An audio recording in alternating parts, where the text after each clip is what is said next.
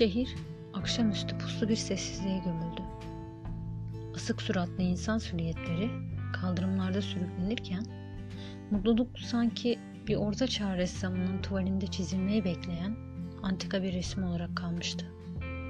Karşı ormanda sisler içinde ağaç cenazeleri vardı sanki. Bir sesle irkildim. Arkamı döndüğümde onu gördüm. Donuk bir ifadeyle beni izliyordu. Gülümsemek istediğimde yüz kaslarımı engelleyen bir şeyler vardı sanki. Onu sevmediğimden değildi. Dünkünden daha çok seviyordum hatta. Üzerine düşünmenin anlamsız olduğunu hissettiğim ancak anlayamadığım birkaç lüzumsuz ayrıntı. Zoraki bir şekilde karşılık verdim güzel bakışlarına. Kahve getirmişti bana. Ben diye başladığı bir şeyler söylediğini hatırlıyorum. Cümlenin sonları anlaması zor bir düş gibi geldi bana. Tamam gibilerinden bir karşılık verdim. O gidince ben de yüzümdeki tebessüm maskesini çıkardım. Sevdiğim adama bile bu maskeyi kullanacak kadar ufanmış hissediyordum şimdi kendimi. Beni yemeğe çağırmış olabilirdi. Aç da değildim aslında. Kahveden bir yudum aldım. Başımı çevirip bir zamanlar çok büyük olduğu belli olan fakat şimdilerde şehrin bir kenarında unutulmuş bir çamlık gibi duran sisli ormanı izlemeye devam ettim. Benim hikayem. Hangi birinden başlayayım ki? Gerçi hangisinden başlasam ana teması yalnızlığa bürünen birer deli saçması olmayacak mı? İnsanlar benim deli olduğumu düşünüyor zaten. Yakın diyebileceğim dostlarım, kız kardeşim ve annem. Zamanını unuttum. Geçen yıl olabilir, beş yıl önce olabilir, belki de on yıldır. Ailem hep bir kazadan bahsediyor bana. Onunla arabada giderken yaptığımız kaza. Ben de hayal meyal hatırlıyorum o kazayı. Başka bir arabayla kafa kafaya çarpışmıştık. Veya daha farklı bir şekilde de gelişmiş olabilir. Kafamı bir yere çarpmış olmalıyım. Kazayla ilgili ayrıntılar hep silindi kafamdan. O ise ağır yaralanmıştı. Benim yaralarım da hafif sayılmazdı. Uyandığımda onu başımda beklerken bulmuştum. Ancak o günden beri her şey tepe taklak oldu diyebilirim. Annemin onunla hiç konuşmadığını fark ettim. Kazadan ve başıma gelenlerden onu sorumlu tutuyorlardı. Çünkü arabayı kullanan oydu. Ne zaman onunla yanlarına gitsek onu görmezden geldiler. Üstelik bunu yapan sadece ailem değildi. Arkadaşlarımız da onu suçluyor gibiydi.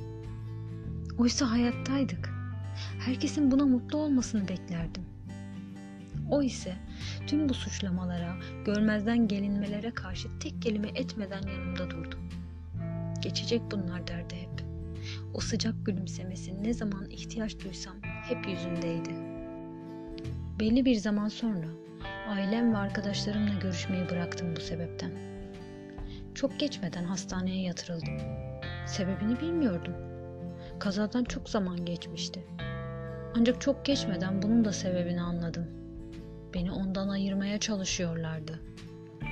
Hatta bir doktor beni onun öldüğüne bile ikna etmeye çalıştı.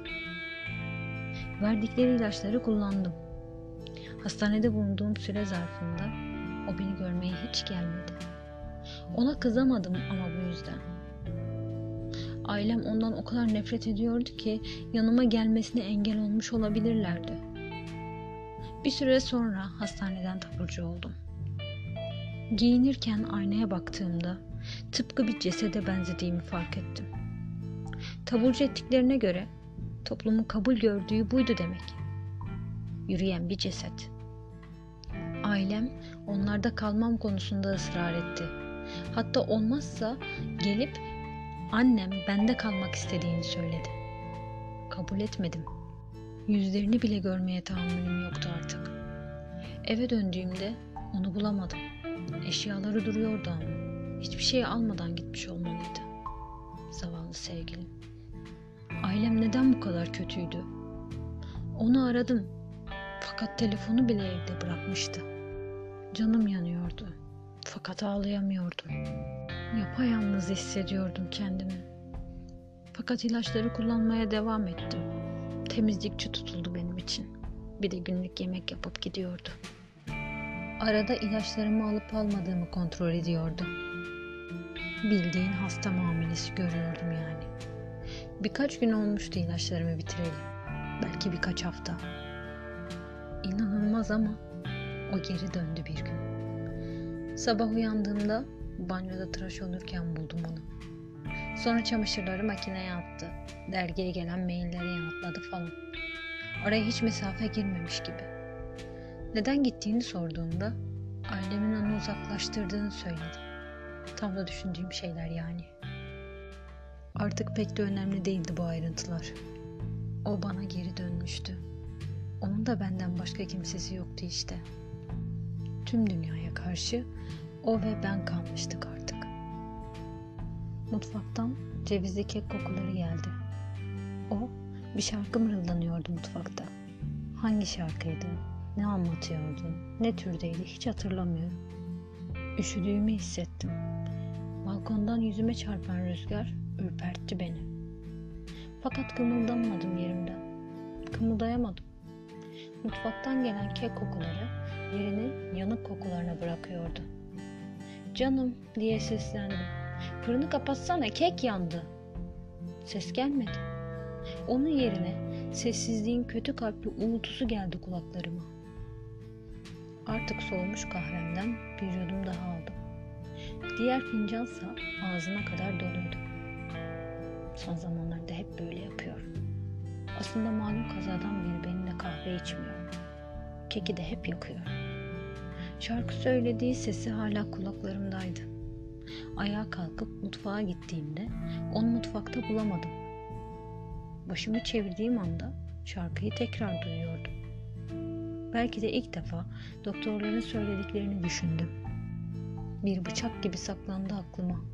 Ebediyen uyuduğu düşüncesi. Bu gerçeği kabullensen iyi edersin demişti doktor. Kabullenmek istemiyorum. Kabullendiğim an onu öldürmüş olmaktan korkuyorum. Korkularımın günden güne beni ele geçirmesinden, yalnız kalmaktan, depresyondan, kendimliğimden korkuyorum. Yanık kokuları dayanılmaz bir hal alıyordu artık. Ay gökyüzünü terk ederken kötü kalpli bulutlar hüküm sürmeye hazırlanıyordu gök kubbede. Nitekim öyle de oldu. Önce kızgın bir gürleme, sağanak yağmurlar, sonra da hafif bir toprak kokusu. Ebediyen terk edilmiştim kendimliğime. Gel hadi dedi. Onun siyah beyaz filmlerdeki aktörleri andıran sesi. Mutfaktan gelmiyordu sesi. Bu evden değildi. Bu dünyadan değildi. Geliyorum dedim. Yüzündeki gülücük bu kez sahte değildi. Ardından nedense küçük, tuzlu bir damla düştü sanki gözlerimden dudaklarıma. Onu öldürmüştüm işte sonunda. Ne kadar aptal göründüğümü umursamadan devam ettim gülümsemeye. Ayaklarım beni balkona sürüklüyordu. Hayalim birkaç saniyede tüm kabusun sona ereceğine ikna etmeye çalışıyordu kalbimi. Az sonra hızla akan trafiğe, içten eve dönen, karşıdan karşıya geçen, alışveriş merkezinin kafelerinde oturan, kaldırımda mendil satan insanların oluşturduğu dünya kalabalığına daldım. Yerden yüksekliğim başımı döndürdü bir an. Birkaç saniye sonra kemiklerimin paramparça olacağı düşüncesi hücum etti damarlarıma. Aksi yönden de mutfaktaki keskin yanık kokusunun reddedilmesi zor bir daveti vardı. Aynı evin iki ayrı bölgesi. Hem bu kadar uzak hem de bu kadar yakın olabilir miydi ölmek ve yaşamak? Bu kadar iç içe ve bu kadar düşman. Peki ben nereye aittim? Kimdim ve kimin için neydim? Özellikle de şimdi ölüme birkaç santimetre kalmışken ne kadar bu dünyaya ait olabilirdim? O an metrelerce yükseklikten yerin dibine bakarken bunlar geçiyordu aklımdan. O gün balkonda o şekilde ne kadar zaman geçirdiğimi hatırlamıyorum. Sadece kendimi atmadığımı hatırlıyorum. Bir de fırında unuttuğumu söyledikleri cevizli keki.